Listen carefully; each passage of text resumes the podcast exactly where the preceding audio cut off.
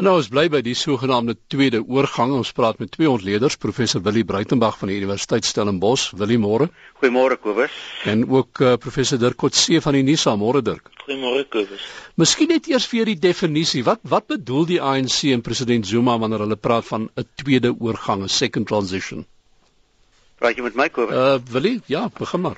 Kobus, ek het 'n vermoede dit dui op die NDR se dokument dit is die nasionale demokratiese revolusie wat in ballingskap aanvaar is 43 jaar gelede in Morogoro in Tansanië toe dit die uh, bymekaar kom slag vir die eerste keer was van die Suid-Afrikaanse Kommunistiese Party en die ANC want die ANC was uh, toe uh, 9 jaar van tevore verban in Suid-Afrika. Daarna is Mkhonto weSizwe gestig, maar eh, die Suid-Afrikaanse Kommunistiese Party was reeds vroeër verban en dit is die begin van die alliansie tussen hulle en daar is hierdie dokument opgestel uh wat die NDR genoem was, Nasionale Demokratiese Revolusie en wat dan ook gesê het daar sal twee fases wees. Daar is die woord fases gebruik. Die eerste fase is die bekom van politieke mag, naamlik dit kan selfs gegryp word. Seizure is die woord wat gebruik is en dan die tweede fase sou dan wees die sosio-ekonomiese transformasie van Suid-Afrika waar al die ander aspekte wat dan nou nie polities is nie ook onder sentrale beheer gebring sou word. So ek moet nou net sê hierdie is 'n ou dokument en uh, dit lyk asof uh, die terminologie wat nou gebruik word, die gonswoord wat nou gebruik word, naamlik die tweede oorgang, moontlik betrekking het op hierdie tweede fase.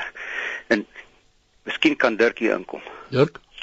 Ja, ek, ek het 'n klein bietjie van 'n ander klim wat wat ek daar plaas. Ehm um, ek dink die die tweede fase word soos almal daarna verwys, ehm um, plaas die klim op die sosio-ekonomiese aspek, maar dit is nog nie 'n 'n sosio is sosialistiese sosio-ekonomiese verandering nie. Dit is nog steeds binne die konteks van wat die ANC self noem 'n nasionale demokratiese uh uh staat.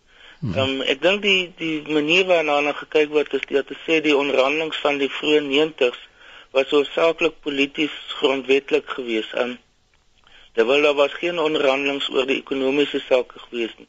Daar was enkele uitsonderings soos byvoorbeeld aspekte van die grond, maar oor die groter makro-ekonomiese struktuur is daar omtrent niks gesê nie. Nou hierdie dokument van die ANC nou sê dat daar sekere kompromieë toe aangegaan is gegee die omstandighede, die plaaslike sowel as die internasionale omstandighede, was hulle gedwing in 'n kompromie in wat in 'n groot mate die ekonomie van toe moes aanvaar as 'n vertrekpunt. Nou volgens hierdie dokument is die idee nou dat hulle 'n punt bereik het en veral as as gevolg daarvan dat daar ook radikale veranderings op die op die internasionale vlak in die ekonomie is en Suid-Afrika nou besig is saam met Afrika om 'n baie meer prominente posisie in te neem byvoorbeeld in BRICS of in die G20 of ander groeperings in.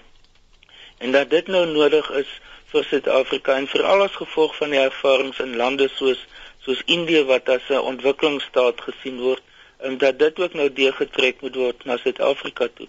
So die die konsep van byvoorbeeld in wat hulle noem 'n demokratiese ontwikkelingsstaat is een van die, die kernkonsepte um, wat in hierdie oorgang gebruik word. En ek dink dan die ander belangrike faktor wat ter sprake kom is dit gee ook 'n meer van 'n beleidsraamwerk of 'n konteks vir die Trevor Manuel se nasionale beplanningskommissie. Um, en die voorstelle wat daar gemaak word om dit in te trek en eintlik toe te eien vir die ANC as 'n plan vir die toekoms vir die volgende 40 20 30 40 jaar. Maar nou is daar duidelik ook nie al die mense binne die party wat saamstem met hierdie hele idee nie. Die Times berig vanoggend byvoorbeeld dat daar is ehm um, daar's provinsies wat hierdie dokument, hierdie second transition dokument vir hulle verwerp wat nie saamstem daarmee nie. Waaroor gaan dit? Dirk? Wel, ehm um, daar's natuurlik klem verskuiwings wat hier is. Sommige sien dat dit te veel van 'n in in ek wil amper sê sosialistiese inhoud het. Die dokument self praat van 'n sosiaal-demokratiese ehm um, benadering wat hulle wil volg, maar dit gaan hoofsaaklik so ek sê oor die ekonomiese aspekte. Die dokument byvoorbeeld verwerp die idee van nasionalisering van die mynbou. Ehm um, hulle sê dat daar moet 'n gemengde stelsel van eienaarskap tot stand kom. So op daardie punt alleen raak dit al vir sommige groeperings baie uh uh, uh kontroversieel.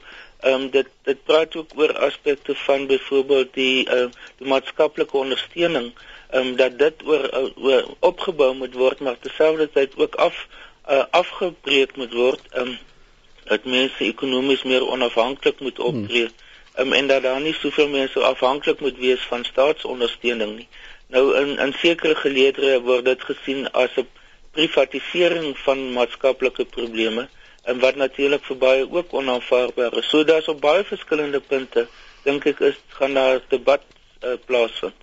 Is my interessant uh, die Times haal spesifieke mense ook hier aan vanoggend uh, verwys na uh, adjunkt president Galema Motlanthe wat opvallend uh, gekant is teen die hele ding wat praat van smatterings of marxist jargon en uh, en hy's baie uitgesproke teen die teen die ding Gauteng as provinsie wat blykbaar in 'n dokument sê maar die konsep is nog oortuigend nog teoreties vatbaar. So ehm um, hierdie ding kan nogal by volgende week se by by die uh, beleidskonferensie self sal eh, 'n uh, warm gesprek raak. Ja, Kobus, ehm um, daar was nog altyd verskillende tendensies binne die ANC. Uh, ek kan nie nou op die geskiedenis in nie, maar daar was die nasionaliste en die afrikaniste sedert 1912 is 100 jaar gelede en toe by Morogoro het gekom die sosialistiese tendensie toe die SAKP hulle by die ANC aangesluit het.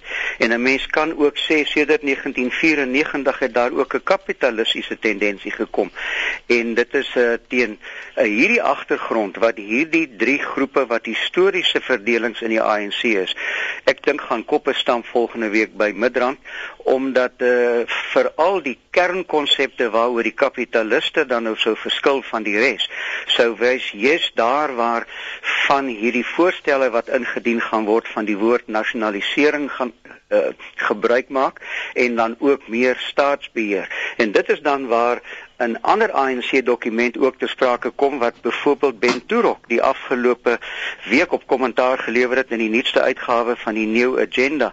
Naamlik Ben Turok sê dat hy was die skrywer gewees van die ekonomiese klousules van die Freedom Charter, dis die Vryheidsmanifest by Kliptown in 1955 en dat uh, daar was nooit van nasionalisering gepraat in daardie dokument nie ook nie van groot staatsbeheer nie maar dat die myne en die bates in die land soos die minerale rykdomme en dies meer moet na alle mense toe gaan. En daardie ding is nog nie uitgeklaar nie want intussen tyd is dit geïnterpreteer asof dit staatsbesit staatsbeheer sou wees. En dit lyk asof dit uh, in vandag se terme dan neerkom op 'n meningsverskil 'n ernstige meningsverskil sê tussen die meer kapitalistiese tendensies in die ANC aan die regterkant van die spektrum met dan uh, waarskynlik van die sosialiste aan die linkerkant van die spektrum maar ook die sosialiste is verdeel want dit lyk asof uh, die Suid-Afrikaanse Kommunistiese Party heel knus sit binne in die ANC as parlementslede as top staatsamptenare en by die staatskorporasies en wat uh, nie te ver links wil beweeg nie want hierdie dokument as 'n mens dit sou vergelyk met die Polokwane dokumente van 5 jaar gelede is hierdie dokumente van nou linkser in retoriek. Maar wat sedertdien gebeur het is die kapitalistiese sentimente in die ANC het sterker geword en die middelklas het ook meer gefestig geraak. En ek dink dit is die skeurlyne dis die kraaklyne waarvoor mense moet oplet Dirk, wat voorspel dit vir uh, nie net vir hierdie konferensie wat nou voorlê nie, maar dit is baie duidelik dat hierdie ding moet nou deurgetrek word na Mangaung toe, want dit gaan tog 'n invloed daar ook hê. Ja, nee, dit dit sal en ek, ek dink dit gaan deel van die verdelingslyn word tussen aan die een kant die uh, Zuma uh, groepering en dan wie ook al teen hom gaan staan en hoogs waarskynlik Geleme Motlanthe. Ehm um, want hierdie dokument is in die verlede word is daar gewoonlik hierna verwys as die strategy and tactics dokument. So dit is die oorhoofse dokument wat die die hele konferensie eintlik moet saamvat en bymekaar moet trek. Um, en vir die volgende 5 jaar pad vorentoe moet uh, voorspel of uitlê vir die ANC. So ek dink uit daardie oogpunt gesien is dit 'n hoogs belangrike dokument want dit dit skep die visie wat die ANC vir homself wil wil definieer vir die vir die volgende tyd vorentoe en dis gewoonlik waar die groot skeidslyne lê. Moet as mens teruggaan na 1997 uh, by Mafeking net na keer was dit ook die die die skeidingspad gewees tussen die meer die neoliberale kant of die of die meer sosiaal of sosiaal-demokratiese kant. So ek vermoed dat dit weer eens die gaan dit die geval wees.